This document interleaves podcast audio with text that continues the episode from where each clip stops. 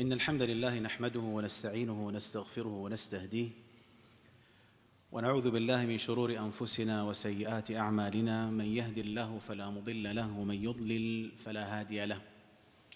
وأشهد أن لا إله إلا الله وحده لا شريك له. وأشهد أن سيدنا وحبيبنا وقرة أعيننا محمدا عبد الله ورسوله وصفيه من خلقه. بلغ الرسالة وأدى الأمانة ونصح الأمة. وكشف الله به الغمة تركنا على محجة بيضاء ليلها كنهارها لا يزيغ عنها إلا هالك فطيبوا أفواهكم بالصلاة والسلام عليه. اللهم صل وسلم وزد وبارك وأنعم عليه صلاة وسلاما دائمين يا رب العالمين. وبعد أوصيكم ونفسي بتقوى الله عز وجل فبالتقوى يرتقي الإنسان ويرتفع ويعلو وينال قصب السبق في القرب إلى الله. أسأل الله سبحانه وتعالى أن يجعلنا جميعا من المتقين ولآلائه من الذاكرين ولنعمائه من الشاكرين. قد أوصى الله بالتقوى في آيات كثيرة في كتابه العزيز فقال عز من قائل يا أيها الذين آمنوا اتقوا الله وقولوا قولا سديدا يصلح لكم أعمالكم ويغفر لكم ذنوبكم ومن يطع الله ورسوله فقد فاز فوزا عظيما. وقال جل في علاه يا أيها الذين آمنوا اتقوا الله وكونوا مع الصادقين. أسأل الله أن يمتعنا جميعا بالصحة والعافية والأمن والأمان والسلامة والإسلام وأن يغفر لنا في هذا اليوم أجمعين وأن يفرج همومنا وينفس كروبنا وأن يجمعنا كما جمعنا في هذا المكان المبارك أن يجمعنا إخوانا على سر متقابلين بصحبة سيد المرسلين في فردوسه الأعلى. اللهم آمين. اليوم حديثي هو وصية من النبي صلى الله عليه وسلم. نحن نبحث دائما عن الخلاصات ونقرأ في كتب المفكرين والفلاسفة والمحدثين وغيرهم والعلماء. نحاول دائما أن نقتطف خلاصات علمهم البشري الذي مهما علا أو سما هو محدود. فعندما تكون هناك وصية من النبي صلى الله عليه وسلم لا بد أن يذعن الإنسان لها رأيه وعقله وفكره وتأمله. إذ ليس هناك رجلا على هذه الأرض أو مر عليها هو أكمل عقلا وفكرا وفهما من النبي عليه الصلاة والسلام بأبي هو وأمي. لذلك لما جاءه أبو ذر رضي الله عنه وهذا الحديث قد رواه الإمام أحمد والبيهقي في سننه والمنذري في الترغيب والترهيب وغيرهم وهو حديث إسناده صحيح كما صححه الشيخ الألباني وغيره. يقول أبو ذر الغفاري ذلك الرجل من غفار الذي قال عنه النبي صلى الله عليه وسلم يعيش لوحده ويموت لوحده ويبعث يوم القيامة لوحده. أبو ذر يأتي للنبي صلى الله عليه وسلم ليسأله الوصية من السائل أبو ذر الحريص الرجل الذي لا يخاف في الله لومة لائم. ذلك المجندل القوي الباسل صاحب الدين والعظمة. يأتي للنبي صلى الله عليه وسلم أكمل الخلق فيطلب منه الوصية. فيعطيه خلاصة جامعة مانعة. وفي كل وصية أوصى بها النبي صلى الله عليه وسلم تحتاج ليس إلى خطبة بل والله إلى خطب. لكن بحسب اللبيب إشارة.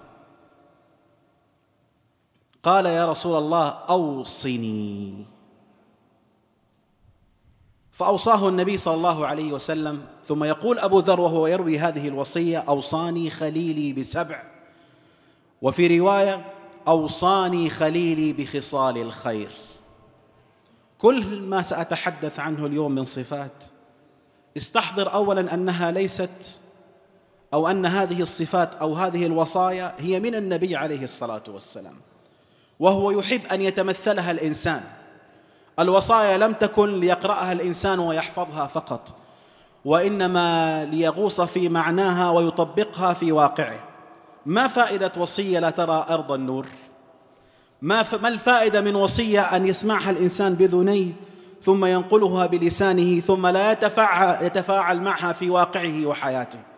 ما أكثر الوصايا والكلام الذي نسمعه ونقرأه ونفهمه ثم لا نطبقه في أرض الواقع. لنقلب اليوم الطاولة ولنتحرك قليلا في في أرض العمل. نتحرك أقول قليلا في أرض العمل لنطبق هذه الوصية التي هي من الحبيب المصطفى صلى الله عليه وسلم. أول وصية يوصي بها النبي صلى الله عليه وسلم أبو ذر قال أوصاني خليلي بسبع ثم قال أن أنظر إلى من هو دوني. ولا أنظر إلى من هو فوقي. المراد في النظر هنا أي في الدنيا من جاه وسلطان ومال. لما؟ لما لا يتطلع الإنسان إلى من هو أعلى منه قدرا في الدنيا؟ لما لا ينظر إلى أولئك الذين مكن الله لهم في الدنيا الكثير وأغدق عليهم من نعمه؟ لما؟ لأن الإنسان عندما ينظر إلى من هو أعلى منه في الدنيا لا يعرف مدى وقيمة ما أعطاه الله إياه. فلا يشكر ربه في تلك الساعة. ولكن عندما يسلط نظره إلى من هو دونه في الرزق والجاه والسلطان والمكانه عندها يستحضر الإنسان اولا نعمة الله عليه. كلما نظرت إلى من هو دونك أورثك ذلك. شكر الله جل جلاله. أنا سأختصر لأن الحديث فيه تفاصيل كثيره هذا المعنى الأول هذه الوصية الأولى. كلما نظر الإنسان إلى من هو دونه أورثه ذلك شكرا لله. وأقول دعمه إلى أن يحسن إلى من هو دونه. لا ترفع رأسك إلى من هو عليك. لا تفهم الأح... لا يفهم مني أحد اليوم أن الإنسان لا يطلب الرزق ولا يسعى في تعديل حياته لكن أقول التطلع الذي يفقد الإنسان معنى قيمة الحياة هذا تطلع وباله عظيم على الإنسان. يتطلع الإنسان ويطلب لكن في في ثوب الرضا والقناعة. الوصية الثانية قال وأن أحب المساكين وأن أدنو منهم. ألا تذكرون حديث النبي صلى الله عليه وسلم ودعاءه؟ اللهم أحيني مسكينا وأمتني مسكينا واحشرني في زمرة المساكين. بل من وصية الله له في الدعاء أوصى الله سبحانه وتعالى نبيه صلى الله عليه وسلم بهذا الدعاء. ما هو الدعاء؟ ندعو به في رمضان دائما ونسمعه كثيرا. اللهم إنا نسألك فعل الخيرات. وترك المنكرات وحب المساكين. وأن تغفر لنا وترحمنا وإذا أردت بعبادك فتنة فاقبضنا إليك غير مفتونين. لما نحب المساكين؟ حب المساكين يورث القلب الرحمة. فإن رحم تواضع. هناك من البشر لا يحب إلا الأغنياء ويتمنى دائما أن يكون في معيتهم. ويبحث عن مجالسهم ويطمع فيها وربما يتوسط لمن يدخله فيها. فإن دعي إلى مكان أقل مكانة أو إلى أناس أقل منه في الدنيا أو مساكين يبتعد. لكن سنة النبي صلى الله عليه وسلم وحبه كان يحب المساكين. ولما طلب النبي صلى الله عليه وسلم أحيني مسكينا ليس المراد به المسكين الذي لا يجد كفايته بل المراد أن يصل الإنسان إلى حد القناعة الذي يورثه التواضع. كم في مجالسة المساكين من تغيير لعظمة النفس وكبريائها؟ تريد أن تتذلل تتواضع لله كن مع المساكين. لأنهم لا يجدون ما يتعاظمون عليه أو يتعاظمون به أو يتعالون فيه على الناس. فقوتهم محصور ولباسهم بسيطة وحياتهم حياة عادية. هذه مدرسة. ترويض النفس تحتاج إلى مجاهدة. حب لم يقل فقط أن تجلس معهم لأنه البعض يجلس معهم ويتصور أنا جلست مع المساكين. هذا أحيانا في بعض هذه الصور نوع من التكبر والمباهاة والرياء. أقول في بعضها ولا أطلق. يعني شوفوني يا جماعة أنا إنسان متواضع أجلس مع المساكين. لا. الحديث واضح يتكلم عن مسألة لا يعلمها إلا الله. حب المساكين أي في داخلك. ومن الذي يعلم هذه السرائر؟ غير الذي خلق هذا القلب. ثم أوصى النبي صلى الله عليه وسلم في الوصية الثالثة فقال وأن أقول الحق وإن كان مرًا. يقول الحق لمن أحب أن يستمع إلى هذا الحق أو لمن الذي أو أو إلى الذي لا يحب أن يستمع إلى هذا الحق. نحن دائما نقرب نقرب منا دائما من دائما يصفق لنا ويبارك لنا كل أفعالنا. والحقيقة أن هذا ليس بناصح. الناصح هو دائما الذي يترصد الحق ويبثه لك وإن كان في غير رضاك. قربوا أولئك أولئك الذين يقولون الحق وإن كان مرا أحيانا وإن كان صعبا أما إن الإنسان يهتم أن يكون من حوله من يصفق له هذا لا ينفعك. والله لا ينفعك إلا من يقول الحق. أنا لا أقول أن يقول الحق بأي أسلوب وبأي لغة وبأي طريقة وقد يؤذيك لكن أقول من يقول الحق مستنا بسنة النبي صلى الله عليه وسلم بالحكمة والقول اللين. هؤلاء هم الذين يستحقون أن نجالسهم ونخاطبهم وأن يكونوا معنا وأن نستشيرهم لأنهم عندما يقولون الحق هم يدفعوننا إلى رضا الرحمن جل جلاله. ثم قال وأوصاني ألا أسأل احدا شيئا. سؤال الناس. إشكالية لما يقع الإنسان في مشكلة أول من يستحضر هم الناس. فلان. الرجل الفلاني. التاجر الفلاني. المسؤول الفلاني. وينسى أن الذي بيده التصريف الأمور وتغيير الأحوال هو الذي خلق. الله جل جلاله. بل الله ليس هو المتصرف. بل هو الذي طلب منا أن نلتجئ إليه وأن نسأله وحده لا شريك له. وإذا سألك عبادي عني فإني قريب قريب قريب ممن دعاه. أجيب دعوة الداعي إذا دعان. ألا يستحضر الإنسان أن الله ينزل نزولا يليق بجلاله وعظمته فينادي الخلق هل من سائل فأعطيه؟ هل من داع فأستجيب له؟ هل من مستغفر فأغفر له؟ الله ينادي ثم نحن نذهب إلى الخلق في كل صعوبات الحياة. اسأل الله. وإذا سألت فاسأل الله. الصحابة من شدة فهمهم لهذا الحديث وتطبيقهم له كان إذا سقط الواحد منهم شيء وهو على خيله أو بغلته أو جمله ينزل ليلتقطه ثم يأتي له أحد الصحابة فيقول له رحمك الله يعني نزلت من فوق الخيل. ثم لتلتقط هذا الشيء البسيط. ثم يجيب يجيبه قال لقد عاهدنا النبي صلى الله عليه وسلم ألا نسأل الناس شيئا. وشيء في اللغة هي أبلغ النكرات كل شيء. أنا أتكلم عن هذه المرحلة لكن أتكلم عن الإنسان إن صابه خطب من الخطوب. التجئ إلى الذي بيده التصريف تصريف الأحوال وتغييرها الذي أمره بين حرفين. إنما أمره إذا أراد شيئا أن يقول له كن فيكون. ثم يقول أبو ذر الغفاري رضي الله عنه وأرضاه في الوصية التي بعدها وأن أصل رحمي وإن أدبرت.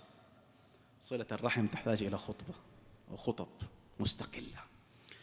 المفهوم دائما عند أغلب الناس من صلة الرحم أنه في حالة دائما التواصل الموافق أو المكافئ. فإن حدث شيء خصومة أو إشكالية أو مشكلة تقع القطيعة. في هذه اللحظة يعظم أو تعظم صلة الرحم. النبي صلى الله عليه وسلم كما في عند البخاري يقول عليه الصلاة والسلام ليس الواصل بالمكافئ. يعني العلاقات طيبة تزورني وأزورك أسأل عنك. قال ولكن الواصل من إذا قطعت رحمه وصلها. طب قد يسأل سائل ويقول يؤذيني يسمعني كلام يشتمني. جاء رجل النبي صلى الله عليه وسلم وقال له إن لي قرابة من الرحم أصلهم ويقطعونني. وأحسن إليهم ويسيئون إلي. وأحلم عنهم ويجهلون علي. بماذا أجابه النبي صلى الله عليه وسلم؟ قال إن كنت كما قلت فكأنما تسفهم المل أي الرماد الحار. ولا يزال معك من الله ظهير عليهم ما دمت على ذلك. تحتاج إلى صبر إلى مجاهدة. وكم من الناس قد صبر على ذويه وأقاربه فانتهى المقام باللحمة والترابط من جديد. في كل لحظة تريد أن تقرر أن تصل من قطعك تذكر اولا أنك تطبق وصية النبي صلى الله عليه وسلم. ثم أنك تؤجر على ذلك وهذا من باب الأجور العظيمة. تقف الرحم على الصراط. الأمانة والرحم على الصراط. حتى يجتاز الناس فمن وصل رحمه هنيئا له هذا الشافع. ومن قطعها. يا بؤس يا بؤسا لمن قطع رحمه. رسالة اليوم أن الإنسان أعلم أنها مسألة أحيانا تكون عزيزة على النفس وقاسية ومؤلمة لكنها من أعظم أبواب الأجور الواجبة. ثم أوصى النبي صلى الله عليه وسلم وقال وألا أوصى أبا ذر وألا أخاف في الله لومة لائم. هو يقدم بذلك رضا الله على رضا المخلوق مثل الأمر بالمعروف والنهي عن المنكر. قد يصيب الإنسان نوع من اللوم في نصيحة سواء في الأقارب أو في المجتمع العام. قد يقرعك البعض قد يشتمك. مع مراعاة الأسلوب واللغة والرحمة والهداية والطريقة والأسلوب في الأمر بالمعروف والنهي عن المنكر. لا يأخذ الإنسان معنى يفهمه وأسلوب تعود عليه قد يكون مخالفا لسنة النبي صلى الله عليه وسلم. ثم يقول والله يلومونني الناس. الإمام الشافعي لما جاءه رجل فنصحه نصيحة فأغلظ له فيها فقال تعمدني بنصحك في انفرادي هذا أدب. وجنبني النصيحة في الجماعة فإن النصح بين الناس نوع من التوبيخ لا ارضى استماعه فإذا التزم الإنسان المنهج النبوي في الأمر بالمعروف والنهي عن المنكر هو بذلك أو إن جاءه بعد ذلك شيء من لوم الناس وتقريعهم لا يصيره ذلك أن يخاف أصلا أن يبتدئ. من صفات المؤمنين أنهم ولا يخافون لومة لائم. أسأل الله أن نكون منهم. أخيرا قال وأن أكثر من قولي لا حول ولا قوة إلا بالله. سأعلق على هذه الوصية في الخطبة التالية. أقول ما تسمعون وأستغفر الله العظيم لي ولكم فاستغفروه فيا فوز المستغفرين.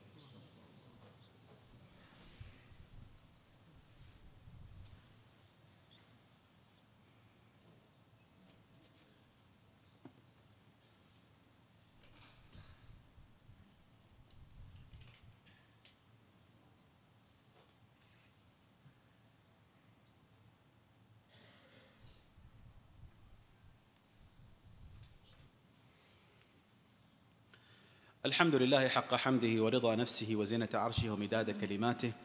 لك الحمد ربي حتى ترضى ولك الحمد إذا رضيت ولك الحمد بعد الرضا وأصلي وأسلم على الهادي البشير والسراج المنير الذي بعث في هذه الأمة ليخرجها من الظلمات إلى النور ومن الجهل إلى العلم ومن الضلال إلى الهدى فصلوات الله وسلامه عليه. أيها الفضلاء أوصى النبي صلى الله عليه وسلم أبا ذر بآخر وصية وأن أكثر من قول لا حول ولا قوة إلا بالله كنز تحت العرش. وعندما يقول هذه الإنسان الكلمة لا بد أن ينفي عن نفسه الحول والقوة. فإن سخره الله لعمل نافع وطيب ومبارك وأعطاه القدرة على بذل الخير فليتذكر لا حول ولا قوة إلا بالله. لأنه هو الذي أعانك على هذا الخير. وإن تذكر الإنسان مكروها قد صرفه الله سبحانه وتعالى عليه عنه فليتذكر لا حول ولا قوة إلا بالله.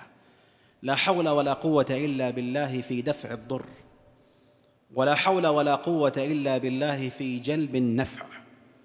فنحن في دفعنا للضر وجلبنا للنفع نحتاج إلى القوة منه جل جلاله. الله هو النافع الضار هو الذي بيده كل شيء هو الذي يسخر لك ويصرف عنك ويعطيك ويمنع عنك ويحميك. الله هو الواحد الأحد الصمد الذي لم يلد ولم يولد ولم يكن له كفوا أحد.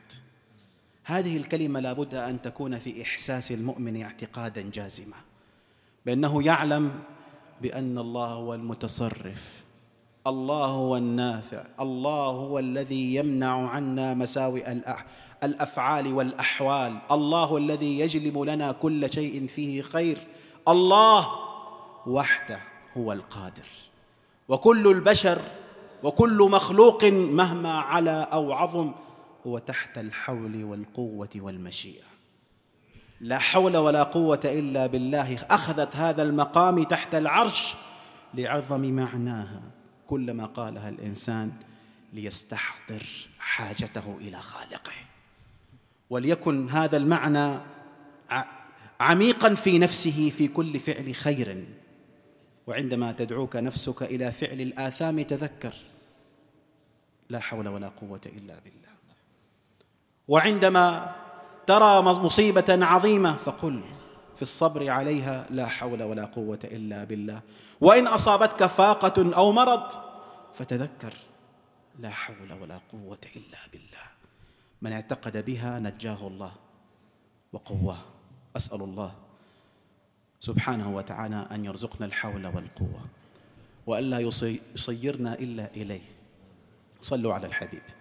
قد أمر الله بالصلاه والسلام عليه فقال ان الله وملائكته يصلون على النبي يا ايها الذين امنوا صلوا عليه وسلموا تسليما اللهم صل وسلم وزد وبارك وانعم على صاحب الوجه الانور والجبين الازهر صلاه وسلاما دائمين يا رب العالمين اللهم ارض عن الخلفاء الاربعه ساداتنا ابي بكر وعمر وعثمان وعلي وعن سائر الصحابه اجمعين وعن التابعين لهم باحسان إلى يوم الدين وعنا معهم بمنك وجودك وكرمك يا أكرم الأكرمين. اللهم اغفر لنا ما قدمنا وما أخرنا وما أسررنا وما أعلنا وما أنت أعلم به منا. أنت المقدم وأنت المؤخر وأنت على كل شيء قدير. اللهم يسر أمورنا واشرح صدورنا واختم بالصالحات أعمالنا. اللهم لا تدع لنا في مقامنا هذا ذنبا إلا غفرته ولا هما إلا فرجته ولا دينا إلا قضيته ولا عسيرا إلا يسرته ولا مبتلا إلا عافيته ولا مريضا إلا شفيته ولا حاجة من حوائج الدنيا والآخرة هي لك رضا ولنا فيها صلاح إلا أعنتنا على قضائها ويسرتها برحمتك يا أرحم الراحمين. اللهم كن مع المسلمين المستضعفين في كل مكان. اللهم كن معهم في كل مكان. اللهم كن معهم في أرض فلسطين وفي أرض غزة. اللهم كن معهم في أرض الشام وفي أرض اليمن. اللهم كن معهم في أرض بورما وفي كل أرض يذكر فيها اسمك يا عظيم. اللهم يا الله قو شوكتهم واجمع كلمتهم على الحق والدين. اللهم أيدهم بتأييدك وانصرهم بنصرك المؤزر. عاجلا غير آجل. اللهم انصرهم يوم قل الناصر وأعنهم يوم قل المعين. واجعل لهم من أمرهم فرجا عاجلا غير آجل. اللهم ارحمهم برحمة من عندك تغنيهم عن رحمة من سواك. اللهم آمنا في أوطاننا وأصلح أئمتنا وولاة أمورنا وأيد بالحق إمامنا وأصلح له البطانة التي تعينه على الحق وتؤيده عليه. اللهم من أرادنا أو أراد بلادنا وبلاد المسلمين بسوء فأشغله في نفسه واجعل كيده في نحره واجعل دائرة السوء عليه بعزتك يا قوي يا جبار. ربنا تقبل منا إنك أنت السميع العليم وتوب علينا يا مولانا إنك أنت التواب الرحيم واغفر لنا ولوالدينا ولجميع المسلمين الأحياء منهم والميتين. ربنا آتنا في الدنيا حسنة وفي الآخرة حسنة وقنا عذاب النار عباد الله. إن الله يأمر بالعدل والإحسان وإيتاء ذي القربى وينهى عن الفحشاء والمنكر والبغي يعظكم لعلكم تذكرون. فاذكروا الله العظيم يذكركم واشكروه على آلائه ونعمه يزدكم. ولذكر الله أكبر والله يعلم ما تصنعون.